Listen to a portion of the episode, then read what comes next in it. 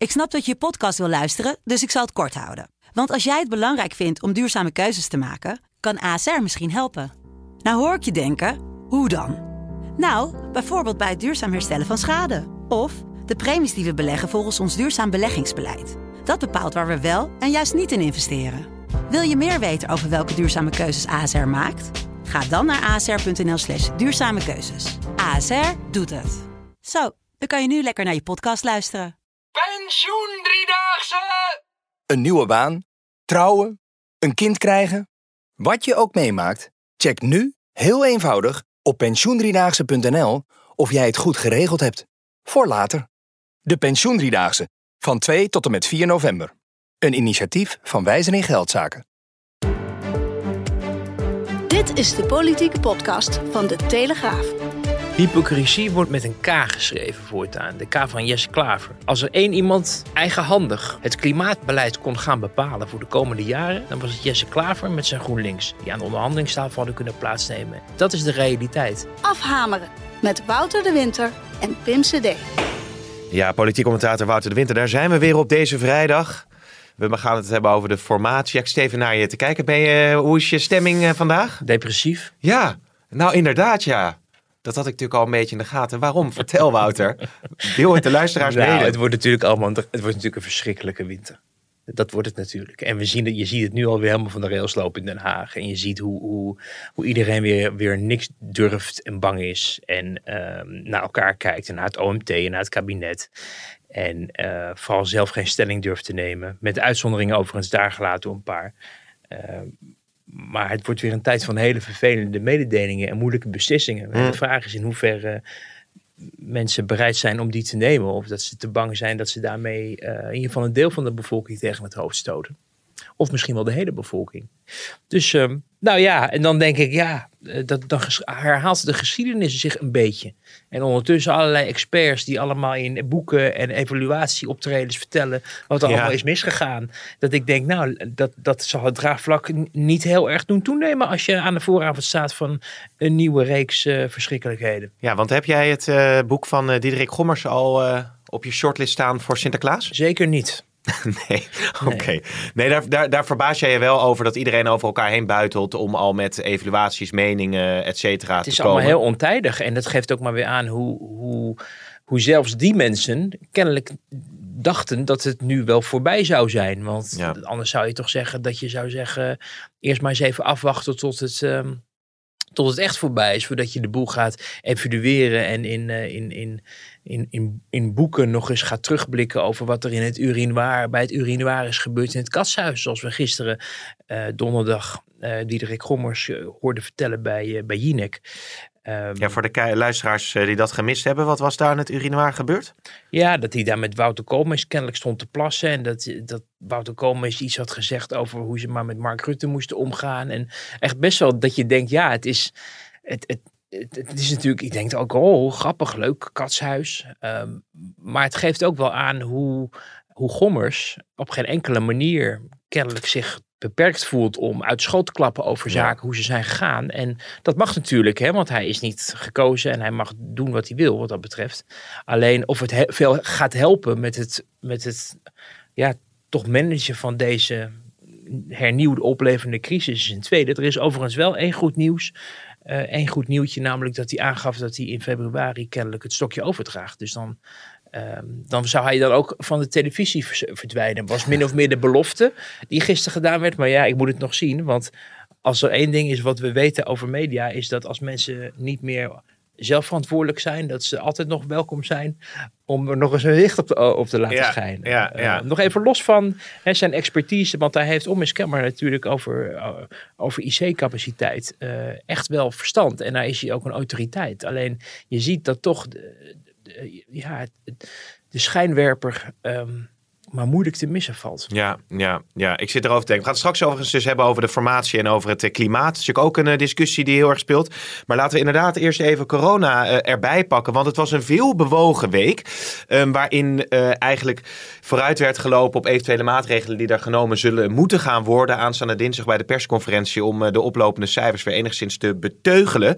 Nou, eh, kunnen we er misschien goed ingaan met... ehm, uh, wat er gebeurde de dag nadat Hugo de Jonge, jij had het ook geschreven in jouw uh, column natuurlijk, dat maatregelen ten aanzien van niet gevaccineerden wel degelijk een optie zijn. Hugo de Jonge had het ook maandag uitgesproken. Ik was zelf uh, dinsdag in de Tweede Kamer en daar werd toch wel heel emotioneel op gereageerd. Bijvoorbeeld door Van der Staaij van de SGP.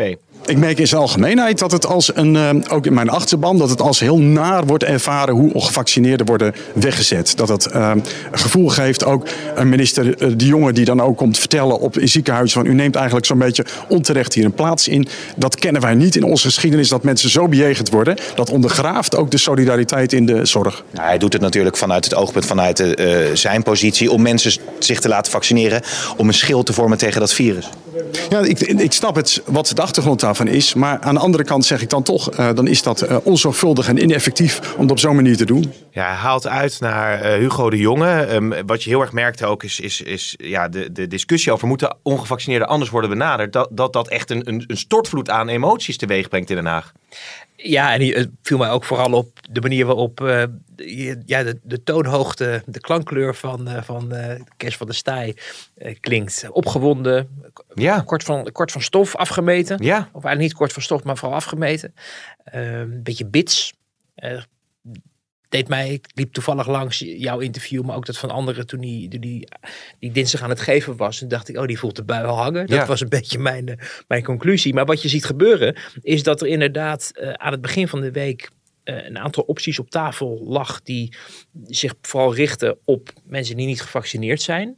Je moet natuurlijk ook heel erg goed opletten of je dat zei Hugo de Jonge trouwens ook, of je het hebt over ma maatregelen tegen niet-gevaccineerden. Dat, dat dat is, klinkt vrij vijandig. En uh, Hugo probeerde dat om te buien. Die zeggen het zijn maatregelen voor ongevaccineerden. En dat is uh, in feite natuurlijk ook wel waar. Want het gaat om te zorgen dat die mensen niet besmet raken en elkaar besmetten. Omdat er een bepaalde vorm van weerbaarheid is opgebouwd door mensen die wel gevaccineerd zijn.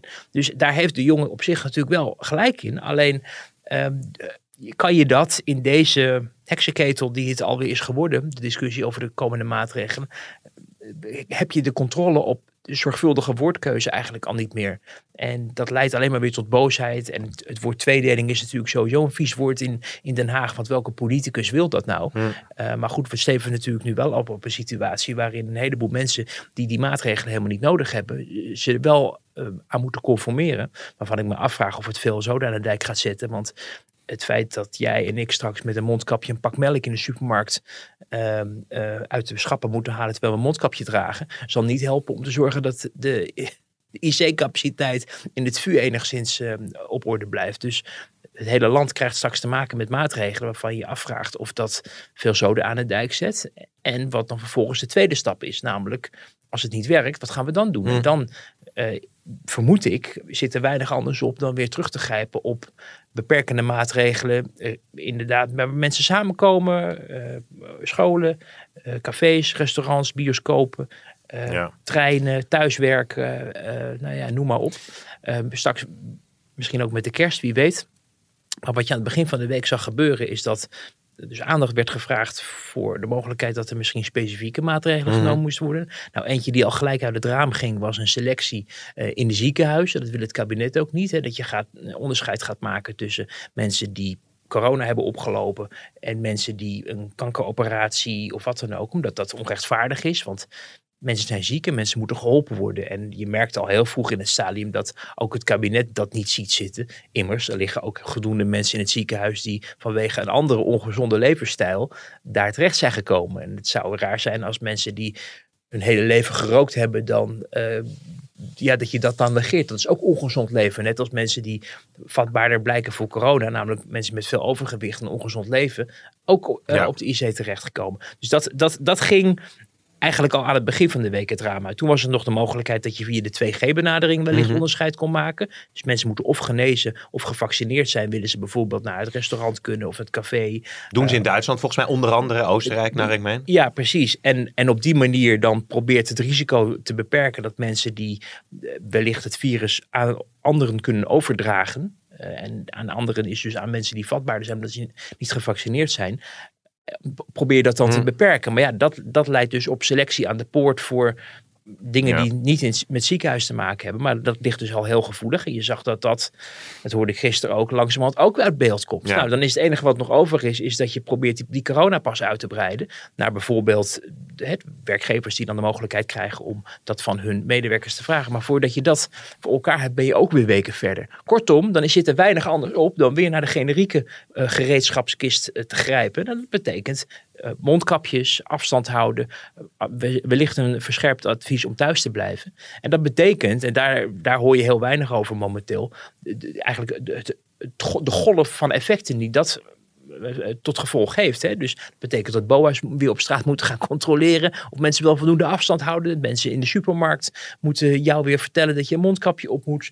Ehm, kortom, die capaciteit en de handhaving wordt weer bij allerlei mensen gele- eh, gelegd die eigenlijk daar helemaal niet voor bedoeld zijn. Nee, nee. Alleen nee. maar omdat alle andere maatregelen in Den Haag te eng worden gevonden. Ja, overigens over die generieke maatregelen. Is dat dan ook echt de bedoeling dat dat landelijk wordt uitgerold? Of ga je dat gericht doen doordat bijvoorbeeld in de grote steden waar minder mensen gevaccineerd zijn of dan de Bijbelbelt toch, dat je, dat je het daar invoert? Ja, dat leek zo mooi, hè? Dat, het, dat je het eh, lokaal eh, moest, moest aanvliegen. Dat hoorde ik Ernst Kuipers ook zeggen van de week eh, op televisie. Alleen, men heeft natuurlijk wel eens dat geprobeerd. Hè? In de coronacrisis is vaker gedacht van... oké, als we het in bepaalde gemeenten wel doen... dan hoeft het in de rest van Nederland niet. Nou, dan hoorde je veel weerstand. Bijvoorbeeld in Zaanstad ging iedereen naar Zaanstad trekken... omdat daar de, vanuit Amsterdam, omdat daar de regels soepeler waren. Ja. Nou, je mer- merkte dat dat niet heel erg ging werken. Ik heb zelf nog een keer eh, naast de burgemeester van Eindhoven gezeten, die het ook allemaal ingewikkeld vond om mensen in zijn stad aan te geven dat ze in de supermarkt mondkapjes moesten dragen, terwijl ze dat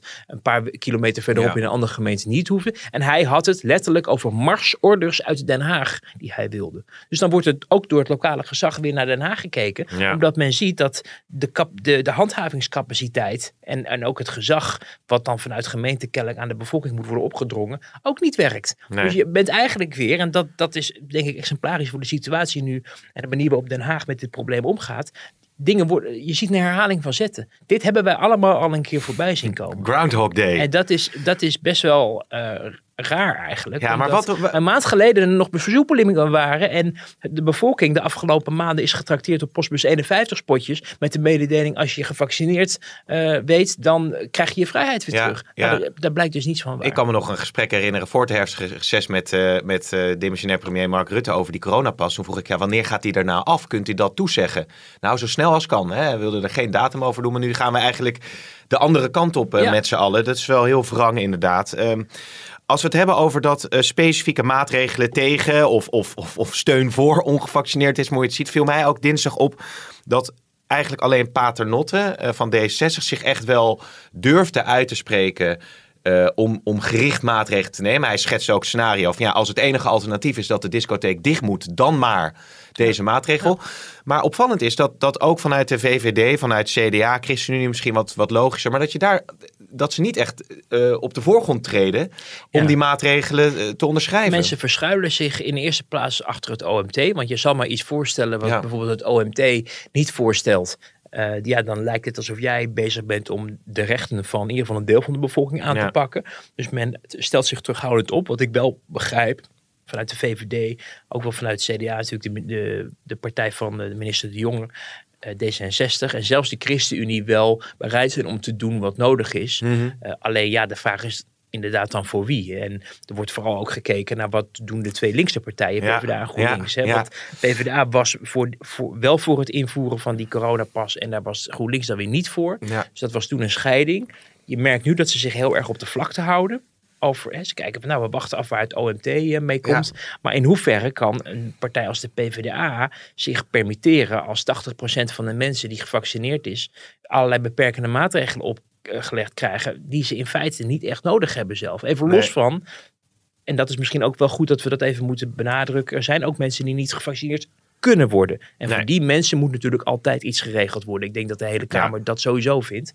Eh, alleen er is ook een groep mensen die de kat uit de boom aan het kijken is. En die kennelijk niet verleid kan worden om gevaccineerd te worden. Bijvoorbeeld in de grote steden in de achterstandswijken. Ja. Waar mensen die ook vaak de taal, Nederlandse taal niet machtig zijn. Zich door hun omgeving en hun kinderen en familie laten wijsmaken. Dat ze het maar vooral niet moeten doen. Die mensen belanden op de IC. Ja. En dat is dus echt een probleem. En dat moet denk ik veel, struct, eh, veel directer moeten worden aangepakt. Dan dat je het probleem maar over de hele bevolking gaat uitspreiden nu. Omdat er de andere opties kennelijk Nee. onbespreekbaar zijn. Maar dan krijg je toch wel de interessante situatie, eh, want het OMT zou eh, vanuit ehm, wetenschappelijke kennis advies moeten geven, die dan al dan niet wordt overgenomen door het kabinet. Maar nu is er een enorme politieke druk ook richting het OMT van, ja, met welk advies komen jullie nu? Want, want het ligt zo gevoelig. Inderdaad, Artje Kuik van de PvdA, die liep bijkans zwetend door het Tweede Kamergebouw, omdat ze zich in allerlei bochten probeerde te wringen om maar niks te zeggen Precies. wat, wat, wat Precies. ongevaccineerden zou kunnen schaden, of dan wel zwangere Ja. vrouwen. Of, Ja, maar Ja. dat is precies, dat is ook het punt wat ik probeer te maken in, in de column van dinsdag. Dat we, we zien een herhaling van zetten. We zien allerlei medische experts uit het OMT allemaal voor eigen parochie preken wat zij eigenlijk belangrijk vinden. De ene is een kinderarts, de andere werkt Ja. op de IC. Die hebben allemaal een mening, mogen in de media, ook bij ons in de krant, maar ook op televisie en de radio, allemaal vertellen hoe zij de wereld beschouwen. En ook meestal vanuit hen expertise en vakgebied. Daarbij nooit ooghoudend. Daar ging het gisteren trouwens bij Jinek gelukkig ook nog even over met Gommers. Ooghoudend voor de belangen van al die andere mensen Ja. die niet te maken, iets te maken hebben met de zorg. Maar wel bijvoorbeeld met hun onderneming die, die eh, straks misschien wel weer op opvallen staat.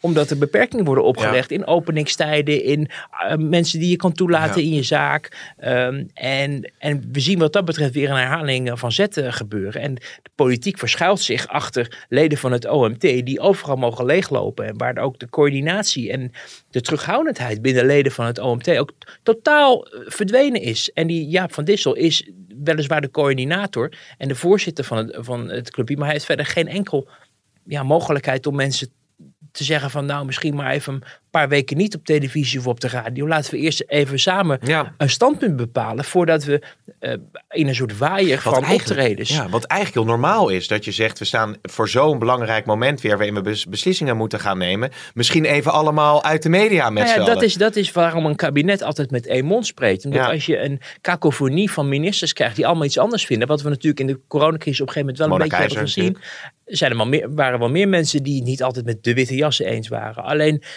het gevaar is daarbij, kijk, dat mensen een, ander inzicht hebben en, en soms ook iemand, de meerderheid hoeft niet altijd gelijk te hebben. Het kunnen ook minderheden zijn, ook in zo'n OMT, die achteraf gezien in ieder geval misschien wel een beter punt hadden dan wat de meerderheid destijds heeft gevonden. Uh, alleen het geeft voor een bevolking waar je, waar je opnieuw met de pet langs moet voor draagvlak. Ja. En voor begrip en het handhaven en het uitvoeren van adviezen van thuiswerken en dat soort dingen. Geeft het natuurlijk geen pas als er een beeld ontstaat van allerlei medische experts die lukraak met allerlei adviezen en meningen komen. Terwijl het primaat over de besluitvorming van die, van die maatregelen bij de politiek Ja. ligt, die duikt. Ja, het is heel interessant wat je allemaal zegt. Het, Gelukkig. Ja, zeker luisteraars. Zeker luisteraars. Dit, dit gaat misschien weer naar bonusminuten toe. Nee, maar twee aspecten die mij heel erg opvallen, Wouter. Is, is ehm, eh, je zegt de politiek verschuilt zich achter het OMT. Ehm, d- ja, want dat wilde ik zeggen. Als je de vinger op de zere plek wilt leggen. Waar, waar gaat dit dan mis? Wie, laat Angst. steken vallen? Angst. Nee, maar maak het dan eens concreet Nou, vanuit ze zijn, het ze kabinet. zijn, ze zijn- op dit moment eh, is er eigenlijk sprake van een, van een Twitterkamer der Staten-Generaal. En niet een Tweede Kamer der Staten-Generaal, maar een Twitterkamer der Staten-Generaal. Waar iedereen zich gek laat maken door wat er op sociale media, door hele uitgesproken mensen wordt geventileerd. Er wordt voortdurend met allerlei eh, theorieën gewapperd. Want in Denemarken is het zo gegaan. En kijk, dit is wat in Noorwegen werkte. En eh, weet je, allerlei, ehm, ook wat selectief geshopt. Overigens ook vanuit de andere kant. Want er zijn natuurlijk ook ontwikkelingen gaande waarin je bijvoorbeeld ziet dat mensen die gevaccineerd zijn ook e- even zo besmettelijk zijn als mensen die dan niet gevaccineerd zijn. Althans, veel meer besmettelijker dan, Mhm. dan men aanvankelijk heeft gedacht. Dus je ziet dat, dat de meningen voortdurend worden geuit. En dat alles wat op een gegeven moment niet in het eigen straatje past, eh, wordt weggezet als nou ja, een schande. Eh, de, de gekste dingen krijg je om je oren als je alleen maar zegt dat op een gegeven moment een keuze gemaakt moet worden. Ja. Omdat anders hè, met zo'n tweede, ik had daar in die column van dinsdag het een en ander over geschreven. En, en, en de, de usual suspects die tekeer gaan op het moment dat ze iets horen wat ze niet bevalt. Dat is echt iets waar ook de Tweede Kamer zich kennelijk eh, toch steeds van onder de indruk eh, toont. Omdat er natuurlijk ook die mensen zijn die zich bij die Kamerleden melden. Eh, er zijn nog wel wat mensen die wel hun rug recht durven houden. Ik noem eventjes de burgemeester van Utrecht nu, die wel durft in te zetten op... Dijksma ja, ja, met dat Waku Waku restaurant. En op een gegeven moment wel ergens een streep trekken van ja, nu is het klaar. Ja. Ehm, de burgemeester van Amsterdam doet niets. Die heeft al aangegeven van ze gaat niet handhaven. Nou, jij gaat misschien ook wel eens naar een restaurant in Amsterdam. Wordt niet aan die coronapas wordt er, wordt er gevraagd. Nee. Heb ik nu al een paar, in één week drie keer meegemaakt. Lang niet altijd. Nee, dat, uh, dat, je, dat je wel bij jezelf denkt van oké, dus op een gegeven moment is iets de law of the land. Hè, zoals ze mm in Amerika zeggen. Er is een afspraak gemaakt uh, dat we dit zo gaan doen. Dat is democratisch tot stand gekomen. En dan wordt vervolgens door ja. lokale gezegd, ja, dat gaan we allemaal niet doen. Ja, dat, dat, wat moet die bevolking dan? Die, die, die, die denkt, nou ja, het hoeft kennelijk niet. We, we, steken onze middelvinger erop en we zitten nu nog maar in oktober. Wat gaan we eigenlijk in december doen als we nu alweer met allerlei dingen gaan aankomen die we van de bevolking eisen. Terwijl ja, burgemeesters om de, hun moverende reden ook denken van ja, we hebben het allemaal niet echt, uh, uh, we hoeven het eigenlijk niet allemaal echt te doen. En die Kamer, want dat was natuurlijk jouw vraag, die is wat dat betreft eigenlijk ook niet uh, trouw aan de eigen stem. Hè? Men heeft natuurlijk ergens voor gepleit en ervoor gestemd en om op deze manier aan te vliegen. En je ziet nu vooral veel, veel van die memes of die gifjes van die Homer die in die in, die, in die haag zeg maar, zich terugtrekt. Van nou ja, laten, we, laten wij ons maar even niet uh, laten horen. Doe! Ja. ja. totdat het straks te laat is. En de, de, want die, die cijfers blijven gewoon oplopen. Ook als wij weer met, met mondkapjes in de supermarkt gaan, gaan oplopen natuurlijk. Uh, en wat ga je dan doen? Ja, het andere aspect, Wouter. God zal maar zeggen, wat is het? is allemaal wel... Ja, ik krijg er helemaal... Je zit moet niet, niet onze gelovige luisteraars Nee, dat zit, maar ik zit, in, ik, zit, ik zit in één keer spontaan aan kerst te denken hoe ik dat dan moet gaan organiseren. Hadden jullie leuke plannen? Uh, idee. Nou, uh, Dubai een uitje, hè?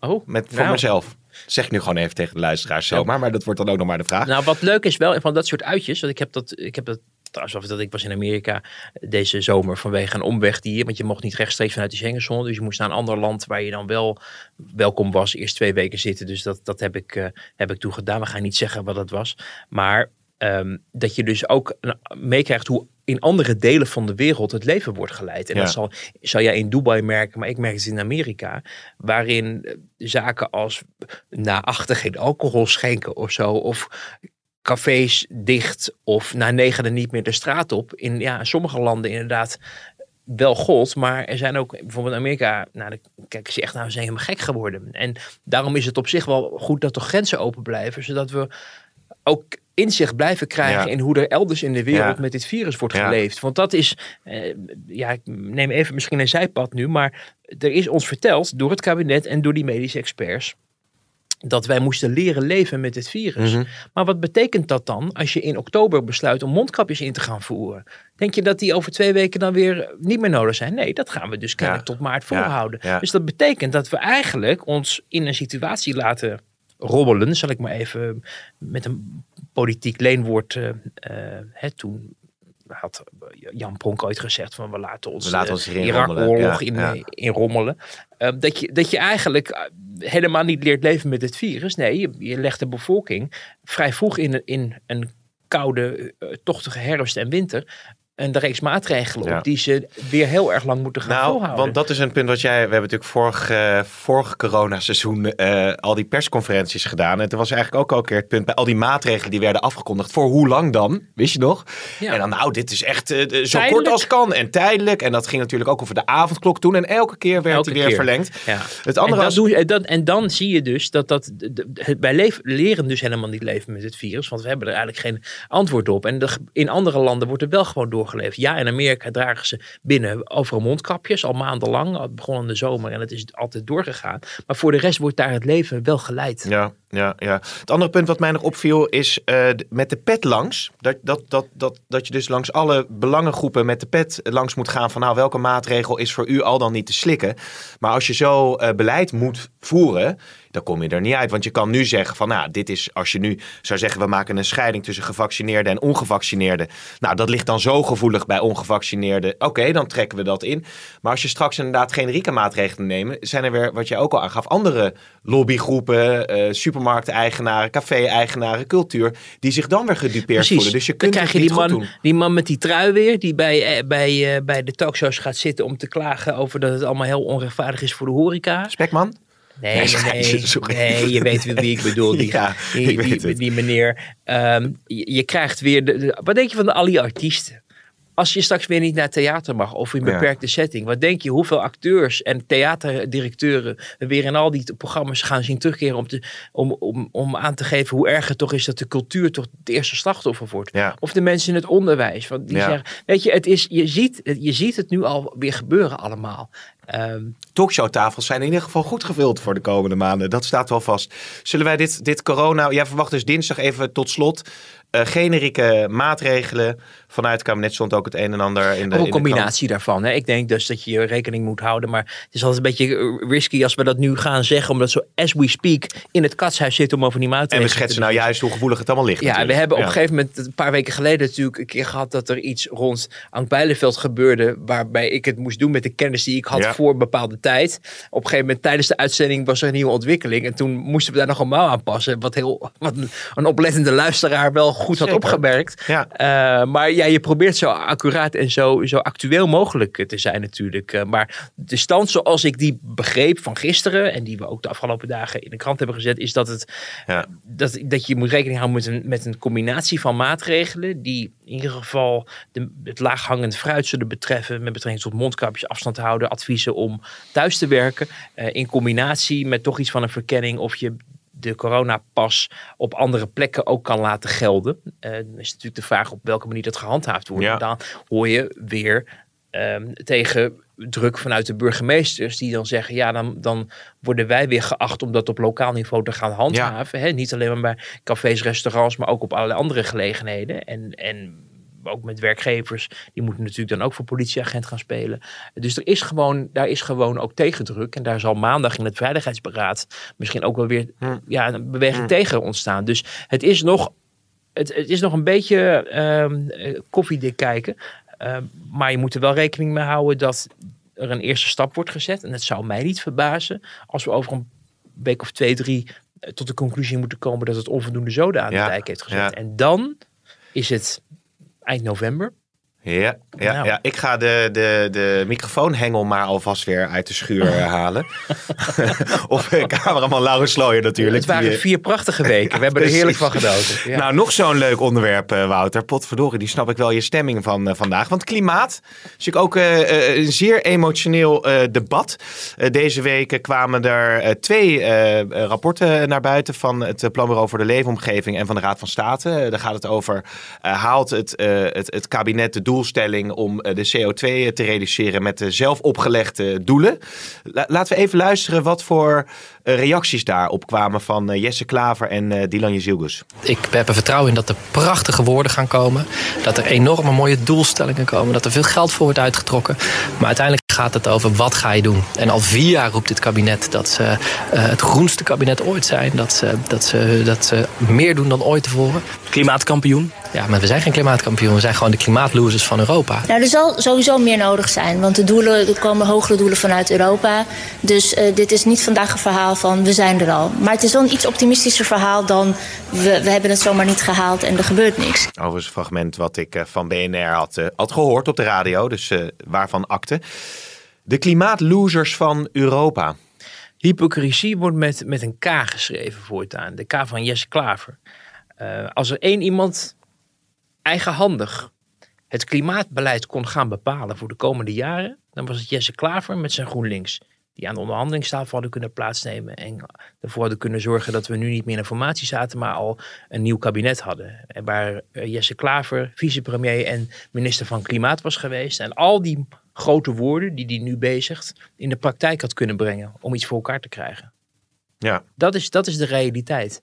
En dan vanuit de heup aan het schieten op het feit dat het allemaal niet goed is en dat het de klimaatloosers van Europa. Nou, dan valt ook echt, echt wel met een korreltje zout te nemen. Want PBL heeft juist aangegeven dat we toch wel behoorlijk op streek zijn in het, in het eh, bereiken van een aantal doelen. Maar dat er inderdaad nog een tandje bij moet. Nou, dat is ook geen nieuws. Want dat heeft Rutte tijdens de algemene beschouwingen al gezegd. Die had gezegd, we maken 6,8 miljard vrij. Maar er moet waarschijnlijk nog meer geld bij om, Hmm. om dit allemaal te halen.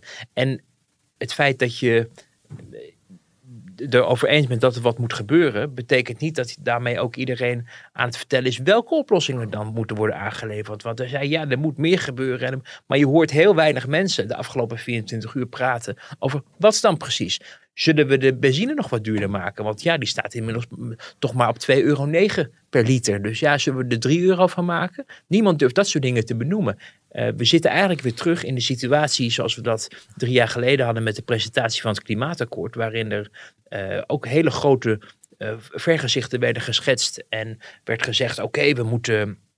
We moeten dit en we moeten dat. En dat moet uiteindelijk vooral betaald worden door de burger. Want die moet zijn huis gaan verduurzamen. En ja, dan gaat hij maar even 30 mil lenen. En dan verdient hij dat volgens Diederik Samsom wel in 30 jaar terug of zo. Alsof mensen van 82. Ik heb ze toen zelf ontmoet eh, met een bezoek eh, van eh, minister Ollongren met de koning in een, in de Utrechtse, in de Utrechtse wijk Overvecht.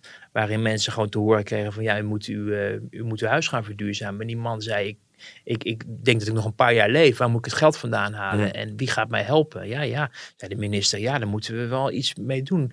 Nou ja, geen wonder er is weinig terechtgekomen van eh, woningen van het gas afhalen. Maar het geeft maar weer aan dat er wordt vooral heel eh, ja, met grootspraak eh, gezegd van er moet meer gebeuren en het kabinet doet te weinig. Maar zodra je dan tot concrete maatregelen komt, dan zal je toch echt aan mensen moeten vertellen wat dat voor hun leven betekent. Ja. Dat, dat eh, belooft weinig goeds wat dat betreft. Dus we zitten eigenlijk weer in die klimaatdramdiscussie waarin het kabinet even vanuit leek te zijn ontsnapt. Omdat ze hebben gezegd het moet haalbaar en betaalbaar worden. Op zich natuurlijk helemaal geen gekke gedachte. Een politiek die haalbaar is, is sowieso volgens mij het streven. En betaalbaar betekent dat de burger er niet te dupe van wordt.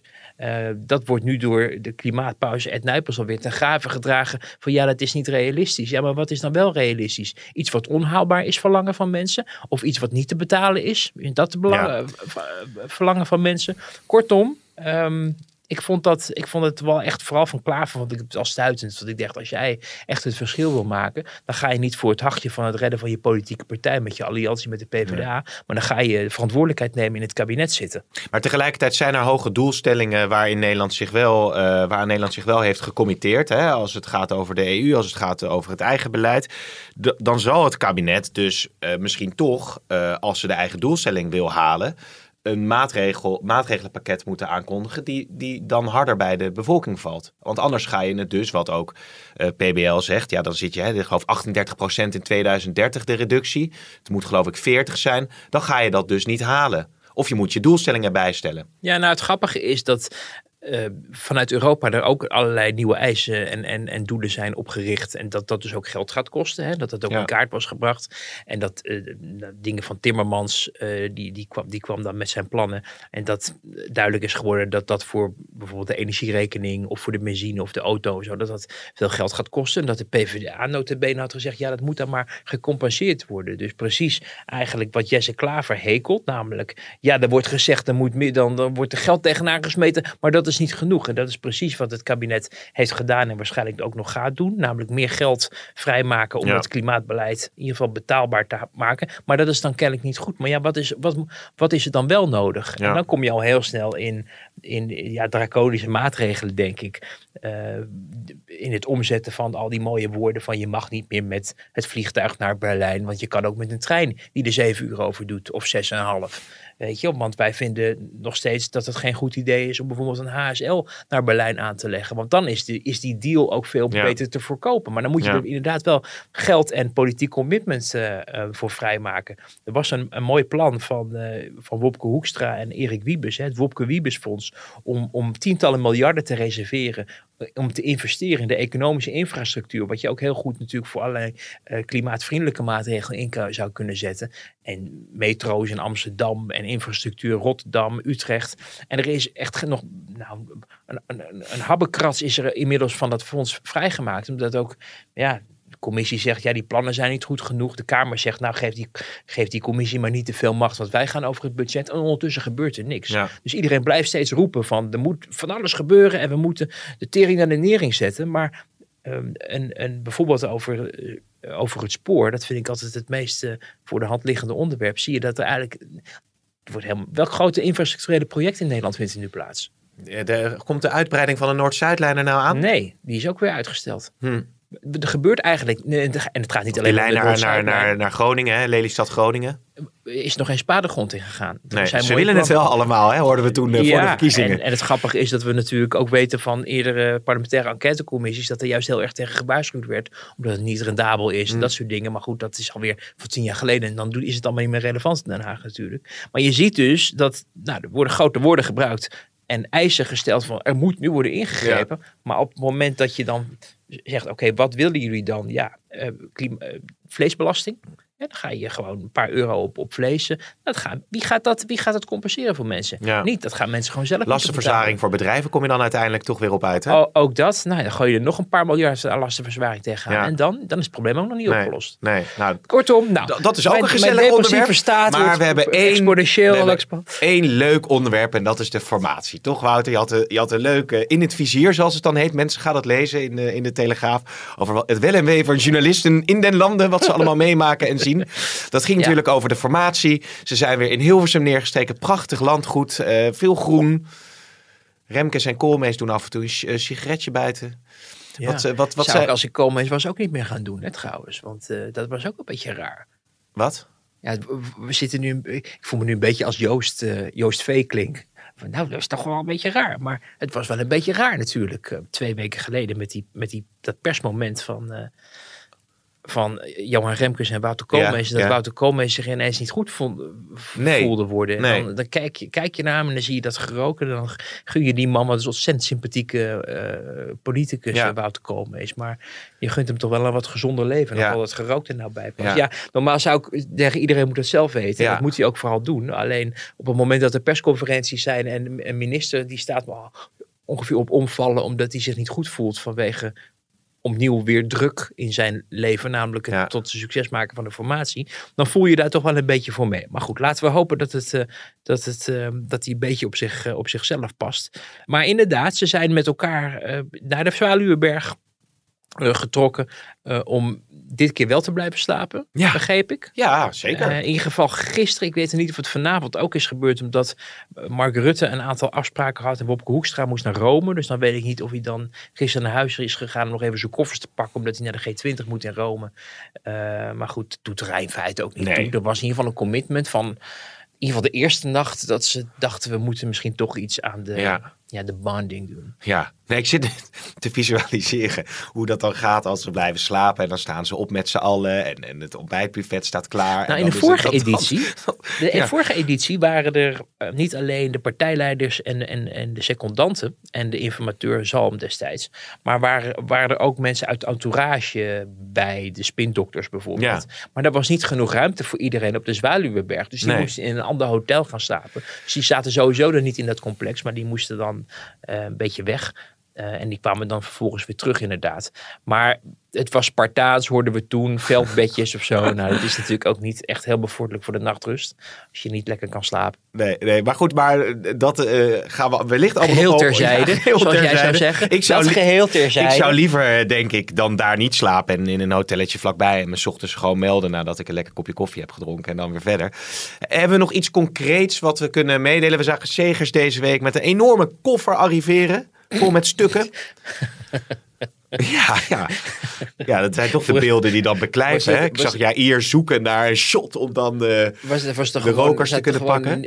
Tandenborsten en, en, dat was een grote koffer was het. Echt zo. zo, ja, zo misschien, misschien waren ze kinderen met een kleine koffer op stap. Ja, dat zou ook kunnen. ik, ik zou daar niet al te veel waarde aan hechten. Wat ik wel begrijp is dat eh, de, de bedoeling was dat er meters gemaakt werden. Dat er ehm, echt daadwerkelijk ook echt onderhandeld werd. Waar een heleboel secondanten de afgelopen weken vooral voorbereidend werk hebben gedaan. Maar wat mij vooral opviel is wat ik daarvan hoorde is dat dat medisch-ethische dossier, hè, wat, wat toch het grote struikelblok Mhm. zou moeten zijn tussen ChristenUnie en, en D66, dat dat in ieder geval tot dat moment eh, nog helemaal niet duidelijk was geworden dat nou het grote struikelblok zou zijn. Dat je toch weer terugkomt met, bij de situatie zoals we die Oh ja. eigenlijk twee jaar geleden al door Sigrid, of een jaar geleden door Sigrid Kaag hoorden geschetst. Namelijk dat het land op dit moment uh, ook al is het een serieuze kwestie, niet bezig is met uh, de voltooid levenwet nee. met z'n allen. Hoe Ja. belangrijk dat voor sommige mensen en ook in haar achterman uh, ook is. Nou, dan is het toen van teruggekomen onder druk van die achterban. Maar de duiding die ik nu weer opving was dat we eigenlijk weer in die situatie zitten. Namelijk, het is belangrijk en er zal ongetwijfeld uh, nog pittig over onderhandeld moeten, moeten worden. Maar het idee dat daarom een, een, geen kabinet Rutte 4 ja, kan komen, dat werd echt totaal niet meer herkend. En dan Nee. denk je wel bij jezelf van lieve hemel, we hebben dan een half jaar lang zo moeilijk over Ja, gedaan. en de eh, tijd tikt door. 226 dagen, hè, de langste naoorlogse formatie. Mhm. Rutte 3 is, eh, is eh, verbroken, dat record. Eh, we gaan het afwachten wat eruit komt. Er wordt asiel nog een heel gevoelig punt. Want dat is natuurlijk... eh, Wilders was deze week nog in eh, Ter Apel. Broekers Knol het vuur aan de ja, schenen maar goed, dat is natuurlijk ook allemaal ketelmuziek, want die ziet gewoon een gouden electorale Ja. kans. Hè. Je moet ook sowieso in de. Kijk, Wilders die vindt dat soort dingen ook wel heel erg leuk om te doen. Om, om zich onder de mensen te begeven. Want hij is, eh, eh, zoals je weet, natuurlijk al 17 jaar eh, min of meer opgesloten. Vreemde in eigen land, zwaar bewaakt, kan niet zomaar over straat lopen. Moet voor zijn leven vrezen. Dus op het moment dat je ergens komt en je wordt als een popster onthaald door de Ja, bevolking. Die allemaal in Ter Apel. ja, met je op de, op de foto willen. Dan, dan Ja. geeft dat natuurlijk ook een heel fijn gevoel. En dat gun je hem wat dat betreft ook. Maar Wilders is met zijn politiek rond het asielbeleid, maar ook over corona en andere zaken, eh, natuurlijk heel erg zich ervan bewust dat er concurrentie is bijgekomen met Forum, die in ieder geval op het coronadossier de afgelopen verkiezingen eh, wel even acht zetels wisten binnen te slepen. Ja. En er waren er in ieder geval drie leek het van de PVV, hè, want die gingen drie om, omlaag. Dus Wilders die heeft zich voorgenomen om, hem, om zich niet opnieuw de kaas van het brood te laten eten door Thierry Baudet of door eh, Joost Eertmans van Ja 21. Dus die blijft gewoon op de trom slaan. Ja, en Wilders tot slot. En oh, je, Ja? je vraag was over, over het asielbeleid. Of Ja, dat dan nog een, ja, nee, precies. een- Jij zei ketelmuziek, dat het toch eh, niet een groot thema nou zou ja, worden nou nee, ketelmuziek van, van de oppositie, die, die er van alles van vindt. Maar het kabinet staat nu en de aanstaande coalitie natuurlijk wel voor het dilemma dat je vorm moet geven aan een, bijvoorbeeld een terugkeerbeleid, maar ook aan een incasseringsvermogen voor de samenleving als je met grote woorden een heleboel Afghanen hier naartoe wil Mhm. halen. Zeker mensen die Nederland geholpen hebben, waar iets voor gedaan moet worden. Maar daar zit ook vaak nog een heel ja, cordon aan familie en vrienden die ook allemaal die veiligheid in Nederland gunnen. En dat de draagkracht in de, onder de bevolking daar wel do- door van moet, eh, die moet wel aanwezig zijn. En als je ziet dat het kabinet oproept voor 1200 op, opvangplekken en ze hebben er geloof ik de helft eh, Ja. uiteindelijk voor elkaar gekregen. Ja. Dan geeft dat weinig Nee, ze hebben Ehm, tot 1 november volgens mij. Dus ze zijn nog bezig om gemeenten Ja. te overtuigen Ja. om meer opvangplekken vrij te ja, maken. maar dan zie je dus dat de mooie woorden die ook in de Tweede Kamer worden gebruikt van we moeten solidair zijn en we moeten barmhartig zijn, die mensen opvangen. Als puntje bij paaltje komt, eh, door de, in de provincies, maar ook in de gemeenten en dus ook door de bevolking, want die mensen, die politici daar, die zijn bezig namens die bevolking, dat daar wel enige ruimte tussen Ja, zit in, ja. in dat wensdenken en het draag, de draagkracht en het draagvlak voor eh, allemaal nieuwe huizen en opvangmogelijkheden, terwijl de eigen bevolking eh, daar moeite mee heeft. En dat zag je eh, een paar jaar geleden toen Rutte II nog zat, op een gegeven moment ook gebeuren. En met die asielcrisis toen, dat Hm. ze, ze ook in de, dat was toen het, de hijsessie aan het begin van de van het nieuwe politieke jaar. Het was op het strand bij Wassenaar, bij de Wassenaarse slag. En dat Rutte en Asscher toen, de, onder, ik weet niet of je het nog kan herinneren, maar onder donkere wolken, want het was niet zo mooi weer die dag, toch wel aan het uitleggen waren dat zelfs de PvdA, die toch altijd behoorlijk op een andere manier het asielbeleid aanvloog dan de VVD, zich wel had binnenskamers ook wel had uitgesproken dat eh, als het om solidariteit gaat, je niet uit het oog moet verliezen dat er ook nog een Nederlandse bevolking is die zich misschien Ja. niet solidair eh, behandeld voelt op het moment dat je alleen maar oog hebt voor mensen die je uit goede bedoelingen Ja. hier probeert op te vangen. Ja, het draagvlak moet er wel zijn. Ja, en dat is denk ik een, een, een opgave die eh, in de Zwaluweberg en volgende week in Groningen, als ze natuurlijk voor de, eh, voor de onderhandelingen naar het Groningse provinciehuis, meen ik, trok. Of was het het stads... Nee, Ja, dat weet ik even provinciehuis. Was het. Ehm, dat je daar wel een balans in moet vinden. Dat je barmhartig wil zijn en, en een goed functioneert asielbeleid, maar tegelijkertijd oog moet blijven houden voor de bevolking die misschien wat minder enthousiast is over ehm, de goede bedoelingen. Ik voel een opmaat naar hele spannende politieke tijden zo. Uit, eh, dat destilleer ik uit deze podcast. Ik wou nog zeggen dat jij altijd alle signalen probeert te voelen van wie maakt welk gebaar. En uiteindelijk moest Geert Wilders naar de tandarts toen hij op zijn tand zat te tikken. Ja, maar nu gaan we weer terwijl... terug naar die column. Ja, nee. waar, mensen, waar gaat het Ik kan, nou geen, weer over ik kan geen afscheid nemen. Ik kan geen afscheid Never nemen. can say goodbye. Ik ga nu uh, lees gewoon die column. Ja, het was dus het vizier. Dat was, het ging over loeren en hoe wij Ja. als journalisten heel moeilijk op dit moment informatie loskrijgen. Omdat de onderhandelingen binnen de Kamer zijn. Ja. En alles wat er uitlekt onmiddellijk onder- op een schoutschaaltje gewogen wordt door de onderhandelaars. Wordt bekeken wie heeft van jullie heeft gelekt en waarom. En dat ze daarom, om zichzelf die ellende te besparen, zoveel mogelijk hun mond houden tot het echt helemaal misgaat of tot er eh, eh, vi- eh, zicht is op een succes van die onderhandelingen. En dat betekent dat je als journalisten vooral moet, goed moet opletten, moet rondbellen en inderdaad door de hekken van Ja. bijvoorbeeld het katshuis, als ze daar weer zitten in de tuin moet gluren. Wel, welke mimiek zie je? Je had het net over de rokende informateurs Remkes en, en Koolmees. Ehm, de anekdote die ik aanhaal in, in, in het vizier, in die viziercolumn, was op een gegeven moment tijdens de, ja, de tussenformatie, zullen we maar zeggen, de onderhandelingen in 2012 in het Katshuis met gedogen PVV over een extra 10, 12 miljard die Ja. moest komen. Dat we door de ramen of door de hekken zagen te gluren. We zagen ze in de tuin zitten. Het was toen kennelijk een mooie lentedag. En op een gegeven moment stond iedereen collectief op en Wilders die tikte op zijn tanden. En iedereen dacht, nou, wat, wat betekent dat nou? Lust hij zijn rouw? Of, of bepaalt hij dat iedereen ineens er vandoor moet, omdat hij een soort signaal geeft? Het was een heel opvallend beeld. En toen bleek achteraf, kwamen we achter dat hij naar de tandarts moest. En dat daardoor er niet meer onderhandeld kon worden die dag. En dat toen iedereen dacht, nou, dan gaan we maar naar huis. Ja. Dus je denkt, het is heel erg, of wat is dat? En uiteindelijk viel het Ja, dan mee. ja. Dus dat.